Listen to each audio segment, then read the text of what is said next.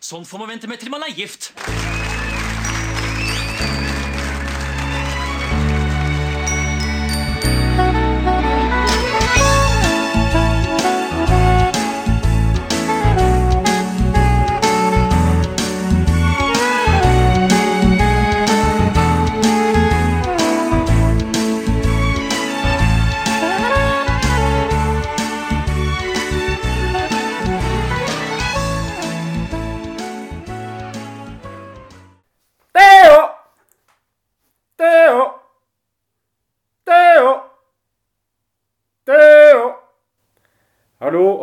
Velkommen til en ny episode av Norsk film filmpodcast, hvor vi ser norsk film med et kritisk, men kjærlig blikk. Eh, Mitt navn er Emil. Jeg sitter her som alltid med Stefan heter jeg. Og den oppmerksomme, årvåkne lytter har kanskje allerede skjønt hva det er vi skal snakke om i dag. Det er nemlig filmen 'Den siste Fleksnes' fra 1975 i regi av Bo Hermansson.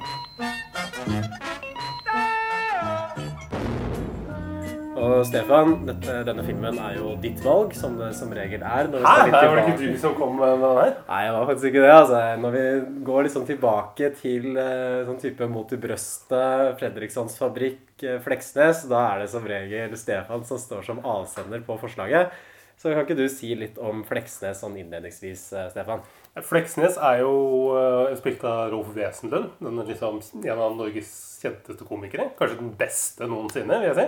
RIP. Ja, for det er det. Som alt annet som er bra, så kommer jo Fleksnes fra utlandet. I Norge har vi ikke greid å finne på noen ting, men Fleksnes kommer jo fra Storbritannia. Og vel, er vel opprinnelig en serie som het Hancocks Half Hour.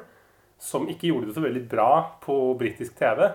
Men så kom Bo Hermansson, denne svensken, over det konseptet her. Kjøpte det. Satte Rolf Wesenlund inn i hovedrollen.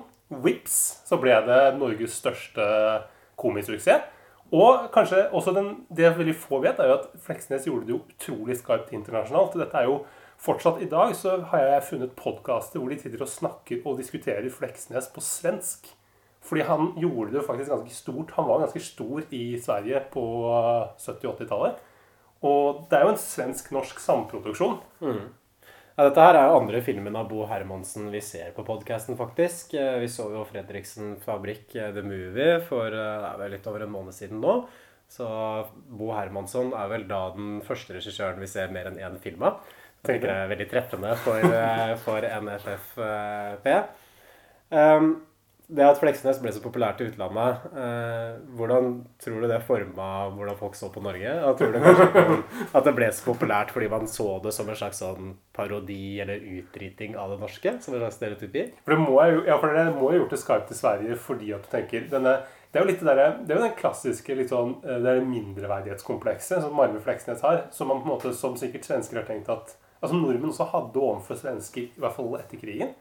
At du måtte alltid følte deg litt dårligere. Alltid skulle måte bruse litt med fjæra og vise at du var best. Men så ble det jo alltid litt sånn tafatt. Litt som når Fleksnes istedenfor å si at han er lagerleder, sier at han er lageringeniør. Det er liksom ikke Det, er ikke, det smeller ikke av det. Det er bare litt sånn en sånn stille protest. Det er litt sånn stusslig. Jeg tror kanskje mindreverdighetskomplekset er det som i størst grad definerer den norske folkesjela etter andre verdenskrig. Og som eh, også kan sies å definere norsk film, gitt hvor mye av de filmene som vi har snakka om fram til denne episoden her, egentlig bare er sånn rip-off av amerikanske filmer og forsøk på å gjøre det like bra som det de gjør i Hollywood. Eh, På Wikipedia så beskrives eh, Fleksnes på denne måten. Marve Fleksnes framstilles som en påståelig, egenrådig og sosialt uintelligent mann som jukser og farer med løgn når han finner det hensiktsmessig. Han har et elendig håndlag med kvinner og er derfor dømt til et liv som evig ungkar. Denne tragiske figuren har glimt i øyet, men tenker høyt og uttrykker seg ikke alltid like passende. Dette fører til en rekke uheldige samtaler og diskusjoner med dem man møter. Og det er jo nordmannen som bestemmer seg. Ja, eller, eller, eller litt sånn typisk sånn alle folk fra liksom små land, da. På en måte. At dette er, det er en typisk sånn Denne type mennesker er jo ofte noe liksom folk fra mindre nasjoner vil kjenne seg igjen i. Ja, du tror også at folk fra Monaco for eksempel, jukser og farer for løgn og har elendige håndlag med kvinner? Ja, eller Serbia, eller eh, Nå skal ikke vi sitte her og generalisere. Nei, Eh, det er jo ikke det vi driver med her i Norsk film, filmpodkast. Eh, Og denne filmen den kom da i 1975. Det er jo relativt tidlig i Fleksnes sin eh, karriere, er det ikke det? Jeg tror den første kom på slutten av 60-tallet. Det var jo den blodgiveren, som er fortsatt er i svart-hvitt.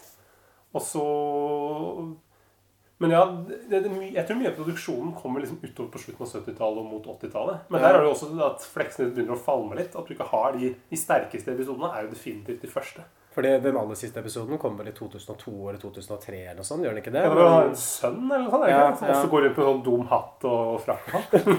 Eh, kanskje skal se den får bli neste Fleksnes-film vi dekker. Men eh, denne filmen her, den åpner med at eh, Marve Fleksnes får en kjennepreken av moren sin. Og poenget med denne kjenneprekenen her er egentlig at det er på tide for eh, Fleksnes å få seg dame og barn. Eh, Jeg kan jo si at det er Aud Schønemann som spiller denne morskarakteren, eller moderen, som Fleksnes eh, beskriver henne som. Vi har også en far som man kaller for faderen, men han sier vel aldri noen ting. Nei, han, han er sånn taus, litt sånn uh, forsagt type. Ja, mens moderen er uh, veldig kontrollerende, overbeskyttende, snakker mye, har et sånn nedlatende bilde av, av eh, sønnen sin. Og Fleksnes bare sitter og tar imot og sier ikke et ord. Husker du det? Du skal hedre moderen og faderen din, sa han, og det har ikke vi merka stort til. Vi snakka om det her forleden kveld, vi gjorde ikke det, Oskar? Snakka ikke vi om det? Ja, men på tide at han gifter seg og blir lykkelig, sa vi. Ja, så lykkelig faderen din er. Ikke sant, Oskar? Er ikke du lykkelig? Feilen med deg vet du, er bare at du sitter der og venter på at den rette skal komme. Og gjøre noe sjøl. Åssen tror du jeg fikk faderen til, da? Han måtte jammen stå i. Å nei da. Se deg i speilet, du Marve. Pen er og ordentlig i alle måter. Renslig og Jeg sier på det er mange jeg som vil være glad for å få en sånn en som deg. Men det er en ting som faderen din egentlig skulle ha sagt, altså. Det der med barnebarna. Altså, jeg var i syklubben, jeg der satt det åtte damer der, og sju av dem de hadde barnebarn, dem. Åssen er det med en Marve? Han har ikke fått noen små ennå, han.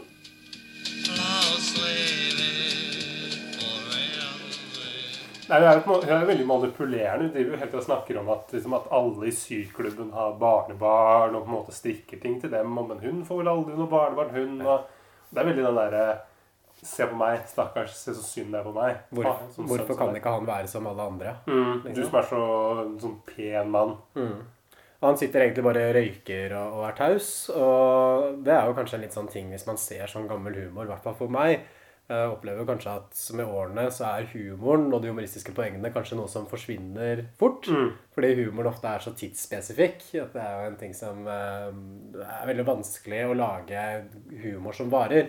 Fordi humor det handler så veldig mye om sosiale normer. Det er ferskvare. Ja, det er ferskvare, ja, og som er akseptert. Og hvis man får et annet samfunn, så er det mye av det som ikke framstår som så morsomt lenger. Og man sitter igjen med, som i tilfellet var i Fredrikssons fabrikk også, med sånn drama, egentlig, i humoren. Som kanskje i utgangspunktet skulle være sånn supplement for humoren, så blir drama nå på en måte hovedgreia. Og det er et eller annet med formspråket her også fra start, at det er veldig sånn dyster lyssetting. Det er veldig mørkt inne i stua der. Rolf Wesenlund ser gammel og herja ut, har liksom poser under øynene, en korpulent type.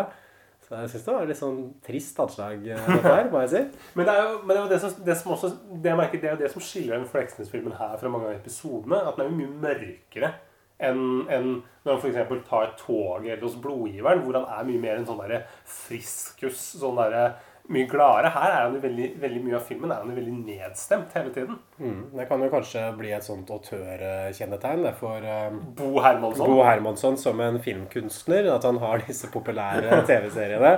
Og så bruker han de TV-seriene for å kunne lage en film, og i filmen så kommer på en måte mørket og alvoret. Ja, og, det de film, og de gjør det sikkert alltid mye dårligere enn seriene. Ja, akkurat Siste Fleksnes, i motsetning til uh, Fredrikssons Fabrikk The Movie, var faktisk en veldig populær film. Det leste jeg på Wikipedia. at Den ble sett av millioner.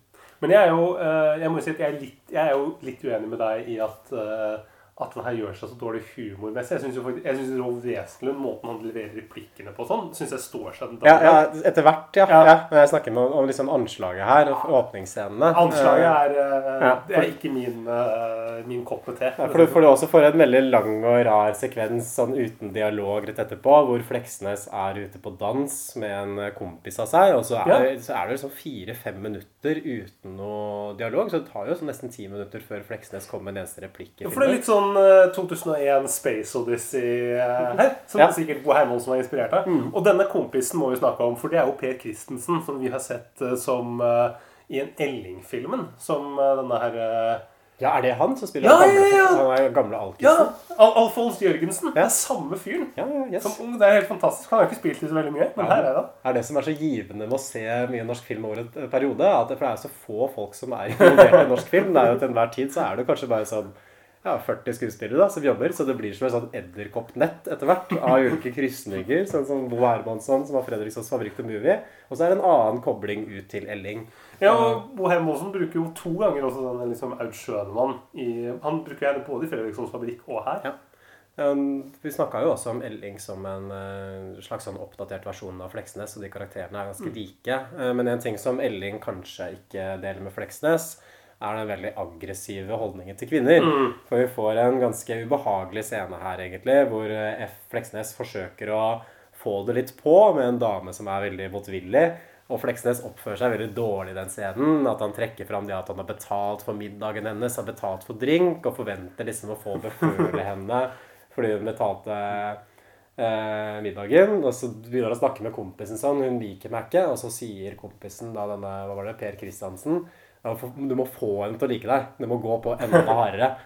Nei, det er bare dumt, det her. Altså, bare stå der og dumme seg ut. jeg sa det til hun igjen når vi traff dere. At jeg kunne vedde på at jeg måtte bli hengende med han der feit... Men da, eh, hvem Satte. Satt, Var det det det var? Hvem var det som betalte regninga på den Gilde her? da? Det var meg som ble det var- Regninga? Ja, det var i orden, det. En halv flaske rødvin og et tørt smørbrød. Med reker og majones og greier. Og sånn andgule meg oppå. Og så var, var det ikke drink, eksempel. En eneste, ja. Som skulle vare hele kvelden. Ja, Dritings jenter er det verste jeg veit. Få bare én. Jeg tror ikke vi har så mye mer å snakke om. Jeg. Er du ferdig, Unni? Unni, vi går opp. Nei, du slapp av litt, da. Hører du det? Venninna di. Hun har det bra, hun. Det er hyggelig.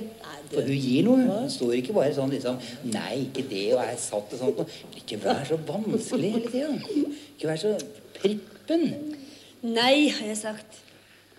Det Han begynner jo å tafse. Han tar liksom bare hendene og liksom bare angriper henne. Sånn at du på en måte nesten blir sånn redd. To ganger. Ja. Selv om hun sier nei. Og det er igjen den der dystre, dunkle lyssettingen. Han står liksom og klemmer sånn henne opp. Ja, I en sånn portrom. Hun står sånn klemt opp til en sånn betongsøyle med Fleksnes foran I dag heter det voldtekt, og da heter det å prøve seg litt. Ja, ja, dette her er kanskje mer enn å prøve seg. og De tar altså bytter damer etter hvert, uten at det går så bra. Og det er liksom det at ingen damer vil ha Fleksnes, som etableres her.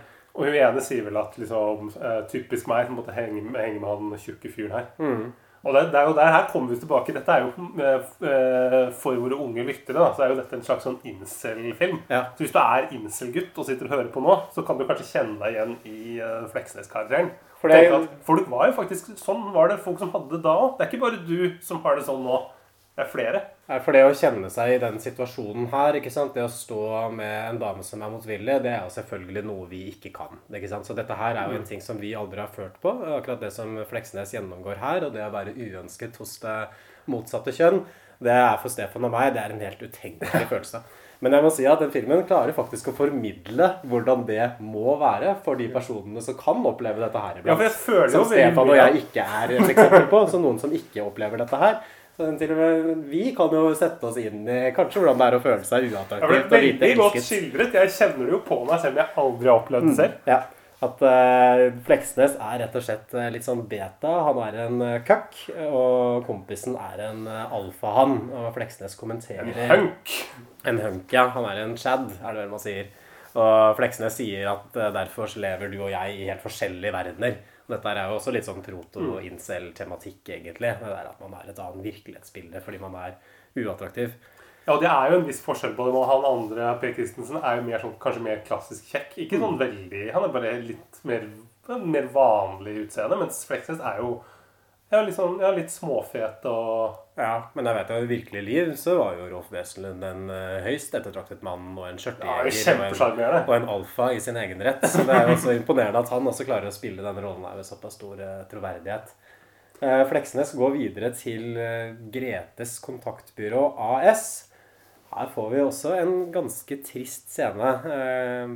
Her lurer jeg oppriktig på om det var meningen at det skulle være morsomt. Jeg vet ikke om du husker hvilken scene jeg snakker om, men det er en sånn frøken Gustavsen som sitter der. Som er på en måte kunden før Fleksnes kommer inn. Hun er en sånn gammel dame. Hun sier at hun har venta i 40 år på en mann. Nå klarer jeg nesten ikke vente lenger. Jeg har kjøpt tre forskjellige brudekjoler, for jeg har så lyst til å bli gift. Det er ingen som vil ha meg. Og alle de brudekjolene har gått ut av mote for lengst. Ja. Tror du det skulle, er ment som en komisk eh, sekvens? dette her? Jeg, jeg synes jo bare Jeg blir jo bare litt sånn Jeg blir bare trist. Det er jo veldig trist å se gamle, ensomme damer sitte og gråte fordi de har så inderlig lyst på en ektemann, og så er det ingen som vil ha dem. Det er, ja. Men, det er, ja, men det er det jeg lurer på om det er humor. Nei, Jeg vet ikke. Jeg synes det er, va- det er vanskelig å, å lese. Men det, det som skjer, er jo i hvert fall at da kommer jo Fleksnes inn med den rare hatten sin og svarte solbriller som en sånn slags sånn mafia eller detektiv fra 70-tallet. Inn på dette ekteskapsbyrået og møter Grete, som til hans bestyrelse er en mann. Og det blir jo liksom en sånn vits om det, om på en måte om denne Grete Fleksnes spør liksom om du er Er det du som er Grete, og, og liksom, ja, så drar med noen kjønnsskifteoperasjon-vitser. Ja, drar noe litt sånn eh, transseksuell humor, ja. Så eh, litt forut for sin tid der, kanskje. Det som ikke er så veldig sånn Det er ikke, noe, det er ikke så veldig datert. Du kunne dratt de samme vitsene i dag og Det man kanskje ikke kunne dratt i dag, er når hun, kona til eh, denne sjefen på Grete kommer inn, Yvonne, og så spør Marve henne om hvor mye er det du koster. Og så finner vi ut at dette er Gretes kone, og så Ja. sier Fleksnes at du er som slakteren, du beholder det beste kjøttstykket selv. Ja. Da, da, da begynte han, da lo jeg og koste meg. Han har noen helt åpenbare kvinneproblemer, eh, Fleksnes. Han er rett og slett ganske sånn Det har vi kalt for en uh, misogodistisk eh, type. Han er, ja, det er liksom kvinnehater. Det er ikke til å komme unna det. Og det kommer jo også fram i fordi uh, For at Grete skal skrive en kontaktannonse, så han, blir han intervjuet og blir stilt sånne spørsmål om Setter kvinner pris på deg? Ler de av deg? Nei. Nei, og svaret er nei hver gang. Så kommer det noe sånn Ja, hva slags hobbyer? Og da, da kommer det en sånn callback til den der blodgiveren. At Fleksnes er blodgiver. Og samler, samler på syltetøyglassetiketter. Nei, han er igjen eh, han er på en måte Hvis du tar liksom gjennomsnittsnordmannen, og så fjerner du alle positive karaktertrekk og bare forsterker de dårligere, så får du Marve Fleksnes eh, til slutt. Han er liksom kranglebord og pedantisk. I denne intervjusekvensen her så kommer jo også Fleksnes sin politikk fram. Han sier at han stemmer Arbeiderpartiet. Sosialisme er jeg imot. Så han er sosialdemokrat, men også veldig konservativ. sånn egentlig. Som bare sier at alle stemte eh, Arbeiderpartiet i den tida der. Ja, og så er det vel iblant sånn onde tunger vil jo si at sosialdemokratiet kanskje er folk som dyrker middelmådigheten og er eh, liksom misunnelig på de sterke og de rike. Og Barve Fleksnes er vel en person som stemmer sosialdemokratisk nettopp av den eh, grunnen. Ja, velkommen til oss, herr Fleksnes. Takk. Du, skal du ikke kutte den der i klassen, altså ta en liten eh, privattime hjemme hos meg? Jeg har en liten leilighet her, skjønner du. Eh, Vi går videre. Han eh, får faktisk satt opp en date med dette Gretes kontaktbyrå. Hvordan går den daten? Ja, Da møter han en kvinne på Nasjonalgalleriet, og det her går jo ikke så veldig bra. Eh, fordi hun Med en gang Fleksnes prøver å nærme seg, så begynner hun å skrike. Ja, hun, Elsa Eng går eh, helt over styr og blir sånn manisk, og så ber hun Fleksnes om å kysse henne hardt og lenge. Og her får man eh, veldig sånn truende scene hvor Fleksnes jager henne rundt mellom eh, disse statuene på Nasjonalgalleriet. Og så til slutt så tar på en måte overfaller henne og så presser henne ned i bakken. Er en sånn ubehagelig filming i den scenen her også. At uh, mesteparten av filmen har en veldig sånn klassisk stil. Uh, mye liksom treige tagninger, stillestående kamera. Men her får du plutselig liksom en sånn håndholdt kameraføring som er ganske frenetisk. Hvor Fleksnes liksom kommer rett mot deg. Nesten sånn som i Clockwork Orange, tenkte jeg på. I den scenen hvor uh, hovedpersonen der dreper det ekteparet på starten av filmen. Det er liksom lik filming der idet han jager dem rundt i leiligheten deres. Det er liksom vanskelig å se, se humoren eh, i dette. Og det er vanskelig å forstå hvilken del av dette her er det som skulle være humoristisk. Men er det humoristisk, eller er det bare for å skildre hvor liksom patetisk den Fleksnes-karakteren er? Det er det jeg lurer litt på her. Jeg tror egentlig ikke at alt er ment morsomt. Nei, det er, kanskje at man tenker i dag da, at hvis det er en komedie, så må det være morsomt hele tiden. Mens på den tiden der så var det greit nok hvis man lo et, en gang hvert tiende minutt. Ja, men det er, som du, det er jo litt som at du, måte, det er jo noe med at sånne one-liners Hvis du bare sier masse one-liners, så er de jo ikke så veldig morsomme. Men hvis du kommer slippes én en gang innimellom, så er det jo gøy. Ja, sånn som vi gjør. Det er derfor vi har så få er derfor vi har så lite humor i våre episoder. Nettopp fra den porsjoneringsstrategien som Stefan Og derfor vi har så mange lyttere også. ja. Uh, det viser seg at dette her har vært skjult kamera. Og det er selvfølgelig en fyr fra Bergen som er programleder. Og det, vet du hvem det er? Det er jo Harald Tusberg, som har blitt nevnt i en annen podkastepisode. Vi kan si liksom eh, Jeg ikke husker hvilken Harald Tusberg 70-tallets svar på Steinar Sagen. En sånn der eh, NRK-fyr som eh, var veldig populær før. ja, når, hvilke sammenheng var det vi nevnte han?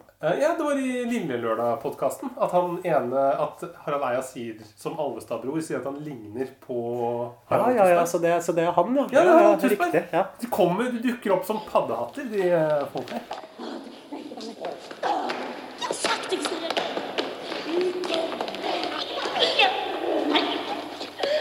Ta meg. Nei, jeg har sagt det. Fenomenalt opptak! Hei de der dere. De med skjult kamera. Bare bli liggende. Prøv å få nevle helt ekstremt, ikke sant? Dette her må de være med på. Det er helt fantastisk. I det tatt Kringkastingen. Tusberg, jeg gleder meg. Hva var navnet her? Hva heter de?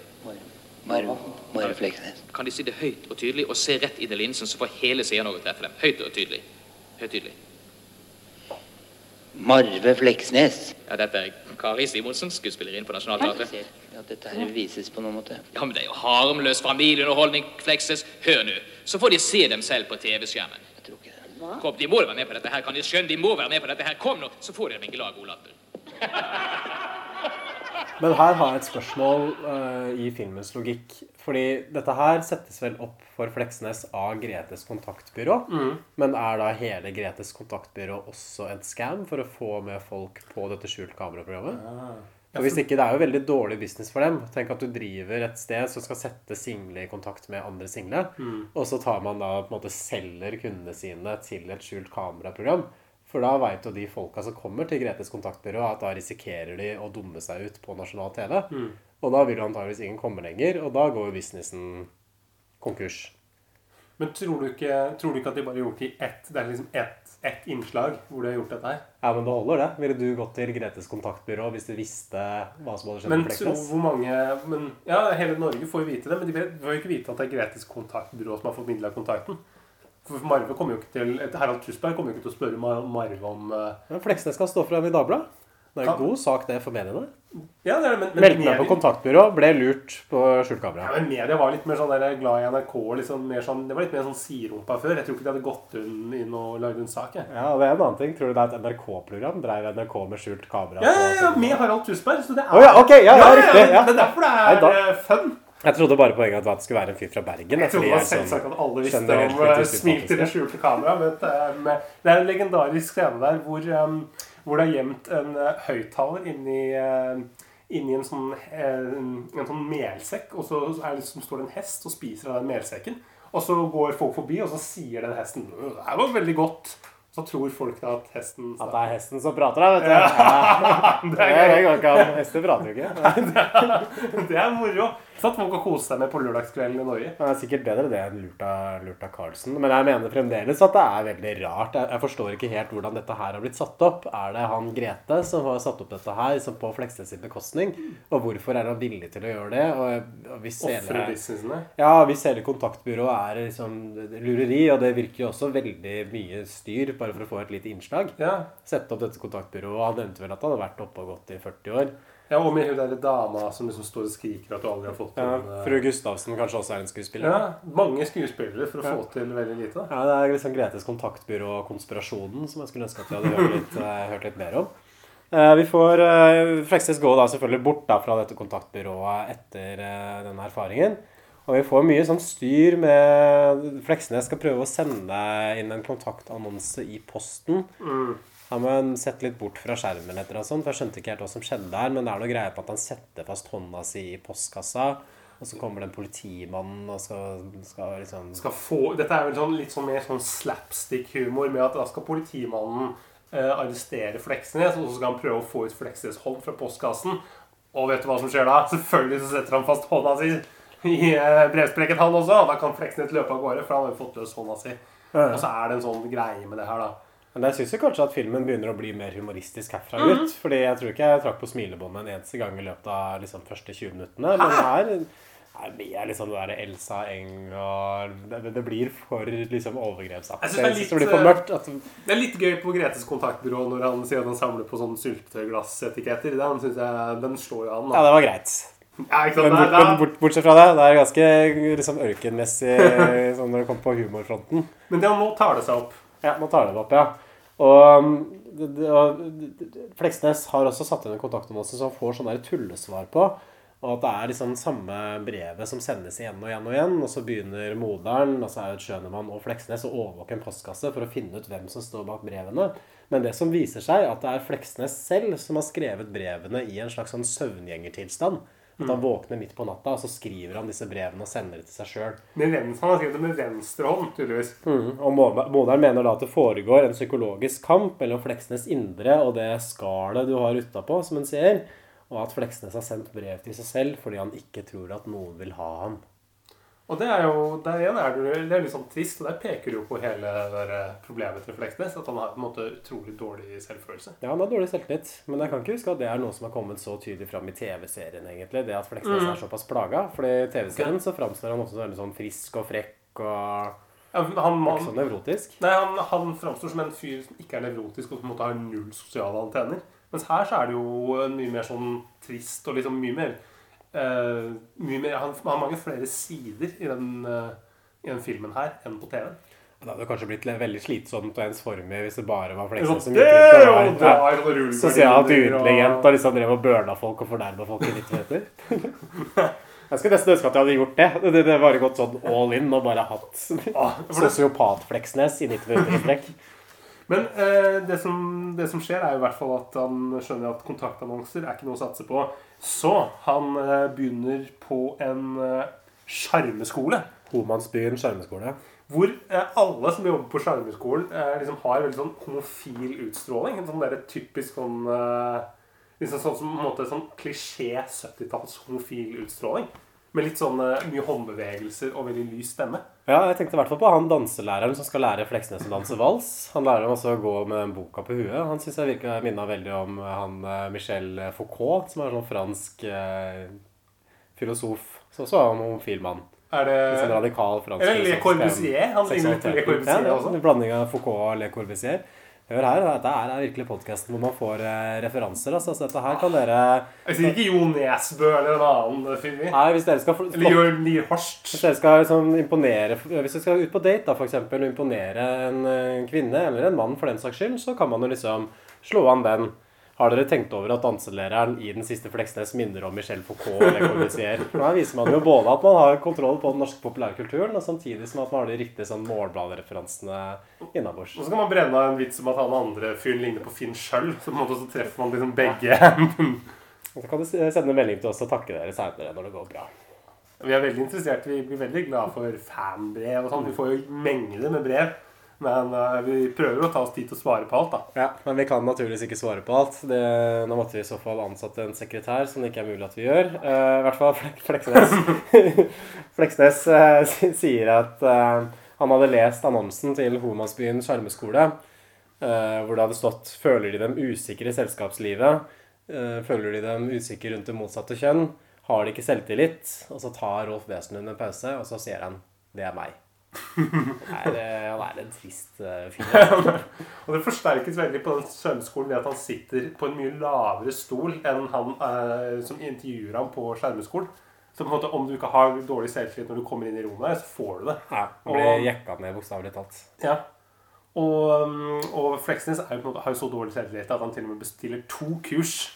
På en måte Samme kurs to ganger fordi han har så dårlig selvtillit. Ja, Han har liksom ingen gode egenskaper, i hvert fall ikke som han ser selv. Og jeg syns det er veldig godt spilt av Rolf Wesenlund i denne scenen og egentlig filmen som helhet. At han tilfører jo den eh, karakteren veldig mye sårhet og veldig mye empati.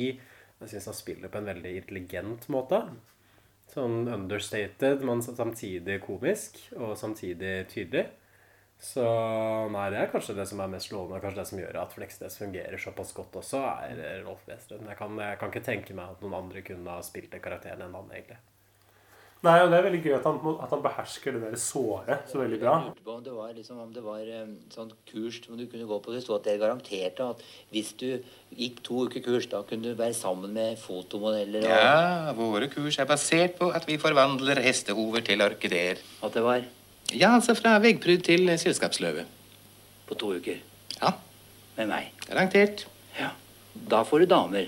Ja, ingenting er umulig når de har gått her på Homansbyens eh, skjermeskole. Har dere damer i huset her, kanskje, liksom? Hvis det er noe Alder, sånn eh, 30-årsalderen? kanskje litt mer presist. Det Er nødvendig Ja, sånn eh, Si en eh, Midt i de Ja, harde 30 har de vært gift? Nei. Forlovet? Spørs så du re- Nei. Ja, fast følge med noen? Venninner ellers? Nei. Liker de kvinner? Ja. Liker kvinnene dem? Nei. Er de avslappet sammen med kvinner? Nei. Eh, Si meg, er kvinnen fiendtlig stemt fra begynnelsen av? Det er jo det er skuespillet som egentlig som gjør filmen. Ja. Men her igjen så kommer det også en sånn der vits med at uh, det kommer en dame inn som er sekretær, og så spør Fleksnes om «Haha, vil du ha noe, kan, ikke, kan jeg få noe privattime med deg. Vær så snill. ja, han er liksom frampå på en litt sånn ekkel måte. Så Som på en måte aldri bærer frukter. da. Men det er jo noe med hans psykologi, at den der, og det gjelder jo kanskje for mange menn som er ufine mot kvinner, at det bunner i en usikkerhet hos han. Mm. Det at han er såpass aggressiv og såpass ufin, da, at det handler om at han ikke tror at noen vil ha ham. Og som har sin grunn i forholdet til hans mor, men det kommer vi jo tilbake til seinere i filmen, kanskje. For nå Britt Andersen. Ja, eh, fordi plutselig så flytter det jo inn en kvinne i naboleiligheten til eh, Fleksnes. På samme alder som han. Hun heter Britt Andersen, og som eh, tilfeldigvis må låne telefonkatalogen. Og da går hun til sin nærmeste nabo, Fleksnes. Og Fleksnes han har telefonkatalogen, han. Og her ser vi en liksom annen side av Fleksnes, hvor jeg faktisk syns han er ganske sånn sjarmerende. Ja, vittig. Ja, han er vittig. Og på en måte ikke bare sånn tørrvittig, men det er liksom gøy. Han sier sånn at uh, Ja, du må gjerne holde an katalogen, for jeg holder på med bind to nå. Uh, Jeg jeg har lest hele allerede. det er sånn ja, den, den, den, den kunne vært en sjekkebok. Og for våre yngre lyttere så kan vi jo si at telefonkatalog det var sånne bøker som man hadde før, før man hadde 1881 og gulesider.no og sånne ting, hvor det sto numrene til alle. Så hvis du skulle ha nummeret til Stefan og meg eh, Vi har jo skjult nummer, selvfølgelig, at vi starta med podkasten. Men før vi fikk skjult nummer, da, så måtte de ha slått opp i telefonkatalogen og slått opp på våre, våre navn.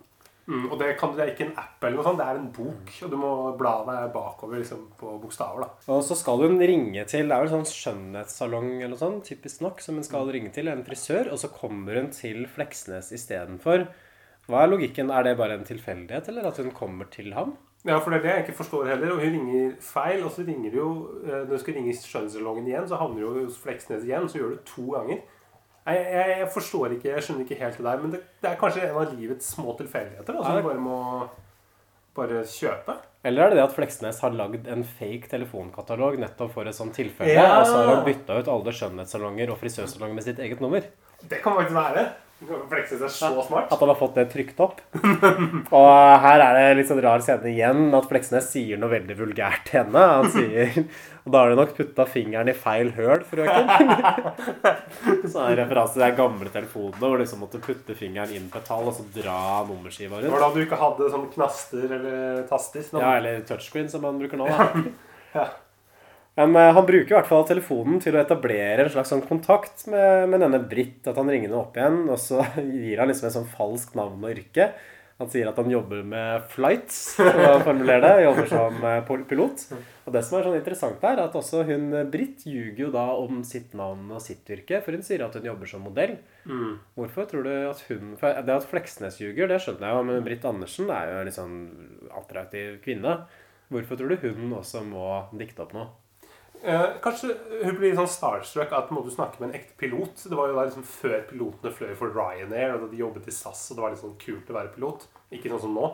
Eh, men, men kanskje også at det skal vise oss liksom, som tilhørere at alle innerst inne er litt usikre. At på en måte, det, er ikke, det er ikke bare det er ikke, Folk er ikke, trenger ikke å være så usikre som Fleksnes. Mange, mange av oss er i bunn og grunn litt usikre. og Ja, det tror, jeg, det tror jeg du har helt rett i. Og i den, den liksom stykket her av filmen, så er jo filmen også en slags sånn romantisk komedie.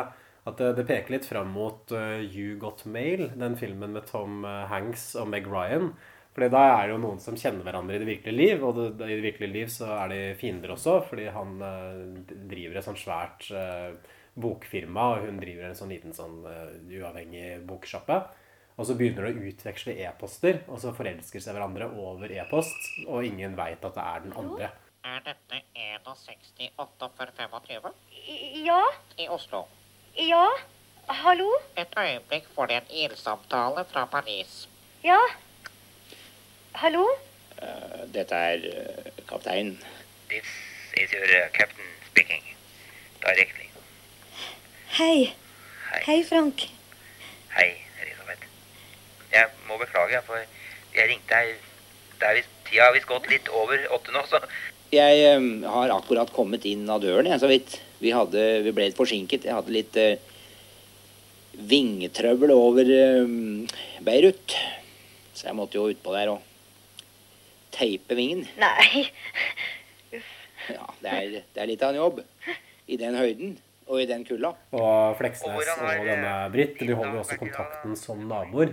Og så blir det sånn forviklinger, da. At de både driver og snakker på telefon, men som også begynner å utvikle en slags eh, romantisk eh, stemning eh, i det virkelige liv. Ja, for de møtes vel på et, sånt, på et vaskeri seinere i filmen. På et sånt eh, vaskeri liksom sånn eh, ute i byen. Og da, da, da er Fleksnes litt mer sånn tørr igjen og sier sånn at eh, ja, det, det, må se på, å se på den vasken her er som et vindu mot verden. Og så tar han liksom Han skal hele tiden være morsom liksom, på en sånn litt sånn Asbjørn Brekke-aktig måte, hvor han på en måte tømmer vaskepulver opp i luka og sier sånn Ho-ho, er, det noen- er det noen hjemme her? Nå kommer det vaskepulver! Sånn som du gjør med, med små barn. Eller Asbjørn Brekke gjør, da. Ja, men Britt, eh, Britt digger det. Ja. Eh, han, minner, han minner jo litt om George Costanza også, syns jeg, Fleksnes ofte. I hvert Ja. fall i interaksjon med kvinner. Ja, faktisk. Bare, mm, bare ikke så tydelig nevrotisk. Som George Costanza. Nei. Nei. jo, i den filmen her så er han jo det. liksom Det derre selvhatet. For det er jo det som definerer George Costanza på Seinfeld, er jo det at han hater seg sjøl. Og derfor så er han så ufyselig og usikker. Jo, men jeg syns ikke alltid her, eh, Fleksnes er jo liksom varierende. fordi den første runden med hun dama her, med den telefonkatalogen, så syns jeg han virker Da framstår han som at han har ganske god selvfølelse som en stabil fyr. Og på en måte mer enn det George Costanza er. Han er på en måte, da, da snakker han, eh, snakker han liksom reint og tydelig og sånn.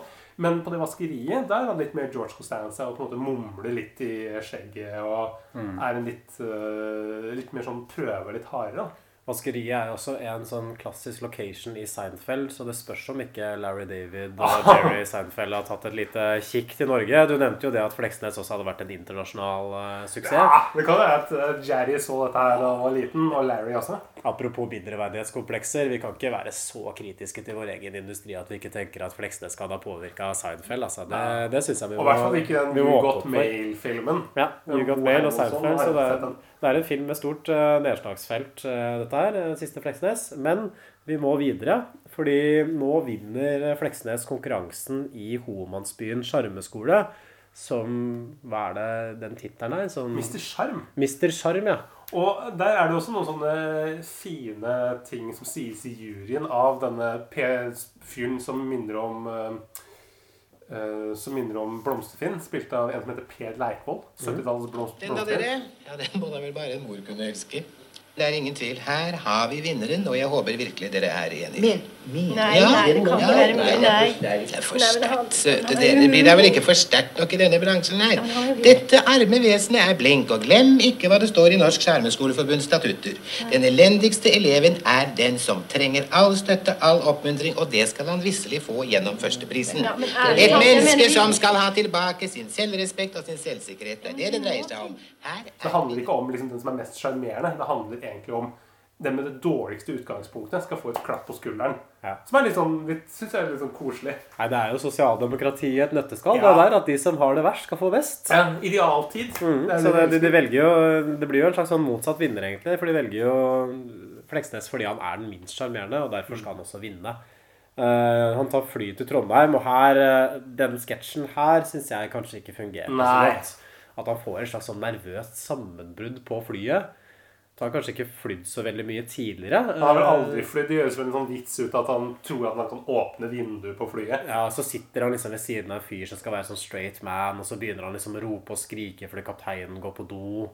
Ja, og straight man sier at det er jo flere kapteiner, og Fleksnes tror bare at det er én kaptein. Litt sånn som, som med bussjåfører, at det er bare én som kjører buss. Mm.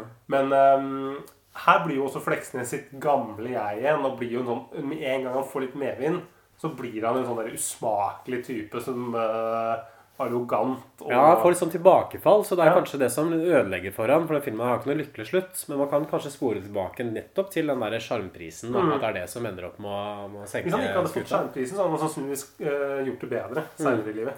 Og han drar til eh, Trondheim og overnatter på Palmehaven, eller Hotell Britannica, som det heter nå.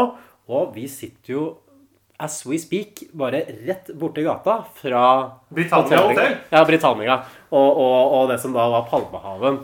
Så vi, det, det, vi er virkelig rørt av eh, historiens uh, sus. Vi sitter faktisk i samme gate som eh, Samme gate. samme gate så Vi har jo Ti meter unna der hvor Rolf Weselen gikk liksom denne høstdagen i 1975, sitter vi her nå. Det er jo alltid gøy for folk som bor i Trondheim, at Trondheim er kanskje ikke den byen i Norge som har blitt mest filma opp igjennom. Helt utrolig er jo helt utrolig nok. Ja. Det er jo den derre 'Kvinner med for store herreskjorter' eller noe sånt, var det ikke? Den er jo filma i Trondheim. Å ja. Mener jeg. Det var Det det. er en eller annen film eh, Og bør, introen til Bør Børson nå, fra Ja. samme periode, er faktisk filma i Trondheim. I sånne asfaltbelagte veiter som skal se ut som at det er fra 1920-tallet. Kanskje Rolf Weselund hadde en slektning i Trondheim, så var det derfor han insisterte på at man skulle legge innspillingen av både Bør Børson og Fleksnes. Eller kanskje en, eh, en liten kvinne i hver havn, som han eh, Ja, heller det, ja. ja, ja, ja. Rolf til Rolf. Men ja, vi må videre, som du sier. Ja, nei, nei, Her liksom føler jeg at filmen sporer litt av. Sånn, for det blir bare masse sånne forskjellige så små sketsjer. Eh, vi får en cameo av Julie Ege, som var en kjent modell, og også spilte vel i Bond-filmen For Your Eyes Only. Er det den Nei, eh, den eh, On Her Majesty's Secret Service med Ja. George Lazenby i hovedrollen. Mm. Uh, hvor det er liksom en av veldig mange kvinner på et sånt hotell uh, som Blowfelt driver. Hvor det bor veldig mange pene kvinner. Ja, for... Du har knapt nok en replikk. For i, I norsk medie så har man jo ofte sagt det at Julie Ege er Norges eneste Bond-pike, men det er jo ikke helt presist. Fordi vanligvis i Bond-filmene så er det jo én liksom, sentral kvinnelig skuespiller. Og det er det jo i den filmen òg. ja, men Julie Ege er jo ikke henne. Nei, eh, ingen som har sett den filmen, husker Julie Ege. Mm. Det er bare vi i Norge som sitter og klapper og hoier og drar fram flagget med en gang, eh, en gang noen kom på skjermen. flagget med flagget til topps. Ja. Og viser at dette er, Men det, er i hvert fall den som er interessant da, med denne kameoen fra Julie Ege. At, og hun spiller også seg selv. Eh, Det viser jo det der med kjendiskameoer. Det er ikke noe nytt som ble liksom funnet opp i Buddy og Lange flate baller. Dette her må liksom presse kjendiser inn for å prøve å selge en norsk film på noe annet enn liksom sånn kunstneriske kvaliteten. Det er en lang og stolt tradisjon. Ja, og det skal vi fortsette med. Og ville denne sammenhengen her, dette med kjendiskameo-tematikken i norsk film, blitt oppdaget noensinne hvis det ikke var for Norsk Film Filmpodkast? Aldri. Vi kan uh... Neppe. Nei. Og vi, vi kan jo uh, til eh, alle filmviterne ute i det ganske land som sitter der og hører på podkasten, så kan vi jo si at dette her dette er en perfekt idé til en doktorgrad, kanskje. Og vi, vi blir jo ikke lei oss hvis dere tar ideen. Bare vi får en liten takk i forordet, så er vi fornøyd. Fra Ege til Ari. Kjendiscameoen i norsk film. Slutt. Så eh, bare strør om deg med titler. Ikke rart at du er eh, forsker. Nei, eh, så, så altså, det, han, det blir noe sånn der, ganske sånn i og for seg litt sånn der morsomme sketsjer, men samtidig som det føles litt som en avsporing fra hovedplottet i filmen, egentlig. Mm. At det blir litt mer som en sånn vanlig Fleksnes-episode fra denne sjarmørkonkurransen i Trondheim.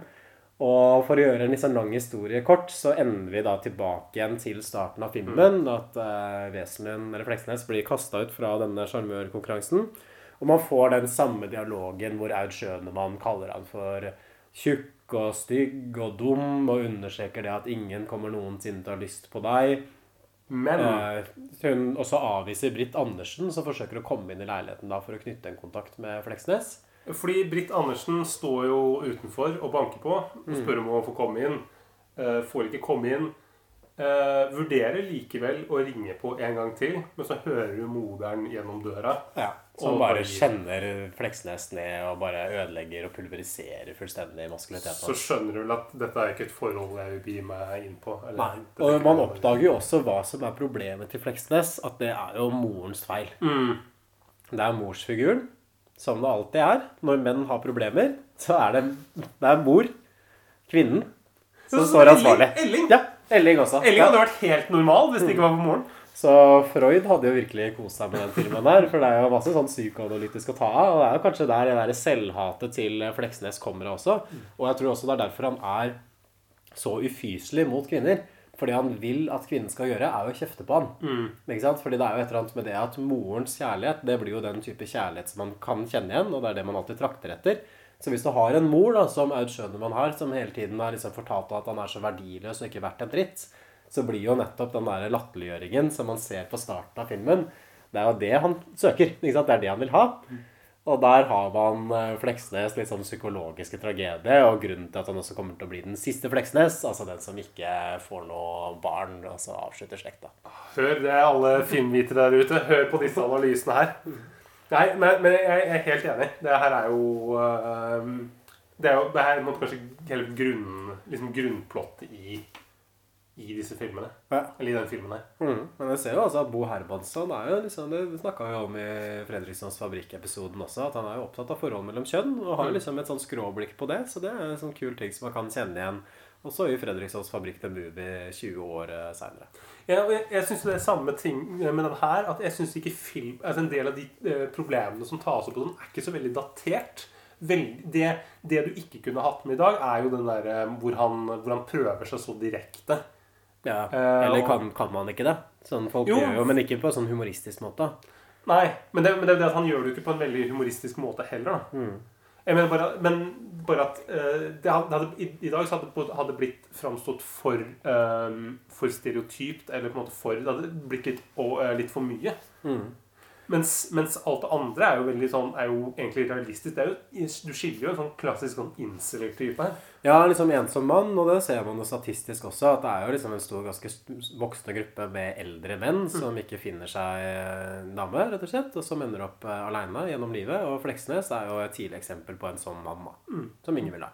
Ja, selv da. Han, var, han var jo til og med lageringeniør og lagerleder. liksom. Ja. Nå sitter det sikkert eh, haugevis med lagerledere rundt omkring som har de samme problemene som Fleksnes. Ja, så jeg får litt sånn vondt av. Og det har vært interessant Mm. å gå tilbake og sett de Fleksnes-episodene hvor han er en mye mer sånn karikert eh, figur, sånn som du sa i stad, Stefan. Med liksom det perspektivet som man får på han i, i denne filmen. Så sånn sett så fungerte filmen for meg, altså. Ja, for du får litt mer, du får mer sympati. Ja, sett hjelpemiddel når vi skal få den rette holdningen, er å legge en bok på hodet. Slik. Og så beveger vi oss da med den på hodet. Ryggen rak, skuldrene avslappet, benene pendler fritt. Slik. Og så får en av dere forsøke. Fleksnes. Og jeg, jeg vil ta opp det med For du, du kommenterer jo at, det er en veldig norsk type. Eh, og jeg tror jo at eh, Jeg tror jo at mange andre eh, liksom, At dette er ikke kanskje egentlig ikke bare en norsk figur, men en veldig sånn en type som Den små, små nasjoners figur. At en person som på en har et veldig sånn utenfra-blikk. Som, hvor, som er opptatt av hvordan folk ser han. Mindreverdighetskompleks. Altså typisk liksom for småland. En, i, I Sverige så ville vi på en måte aldri hatt en sånn person, fordi eh, i Sverige så driver man ikke og man bryr seg jo ikke om eh, om Danmark eller Norge liker dem. De driter jo i det. De ser jo ikke på norsk eller dansk TV. Men vi i Norge har jo alltid sett mot Sverige og Jeg tror, det er, jeg tror det er tilfellet. Jeg tror ikke det er sånn det norske mindreverdighetskomplekset ditt som snakker nå. At man alltid tenker på Sverige som så sånn der stolt og staut broderfolk som ikke har noen problemer. Ja, vi i Norge tenker jo alltid at svensker og dansker er mye kulere enn oss. Men spørsmålet er, er det så veldig mye kulere. Ja, men Jeg tror ikke de er så veldig mye kulere, men jeg tror at eh, Men det er jo sånn hvis du ser med sånn, på medievaner, da, så ser du at eh, folk i liksom i større land ser sjelden på liksom, eh, eh, produksjoner eller TV fra mindre land. Mens andre veien så er det motsatt.